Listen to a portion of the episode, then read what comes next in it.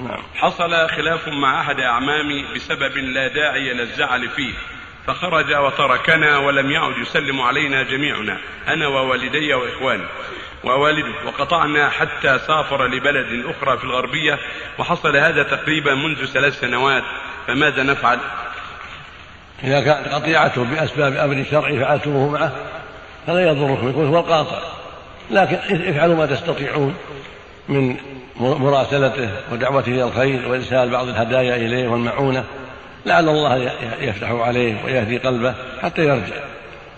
الذي قطع الرحم من دون عذر شرعي هو القاطع لكن أنتم لا تكونوا مثله.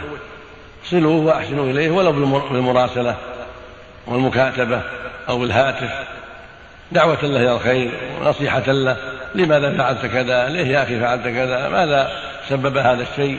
اتق الله يا عبد الله راقب الله. ينصح. هكذا. من طريق المكاتبة من طريق الهاتف من طريق يزوره بعضكم في محله. نعم.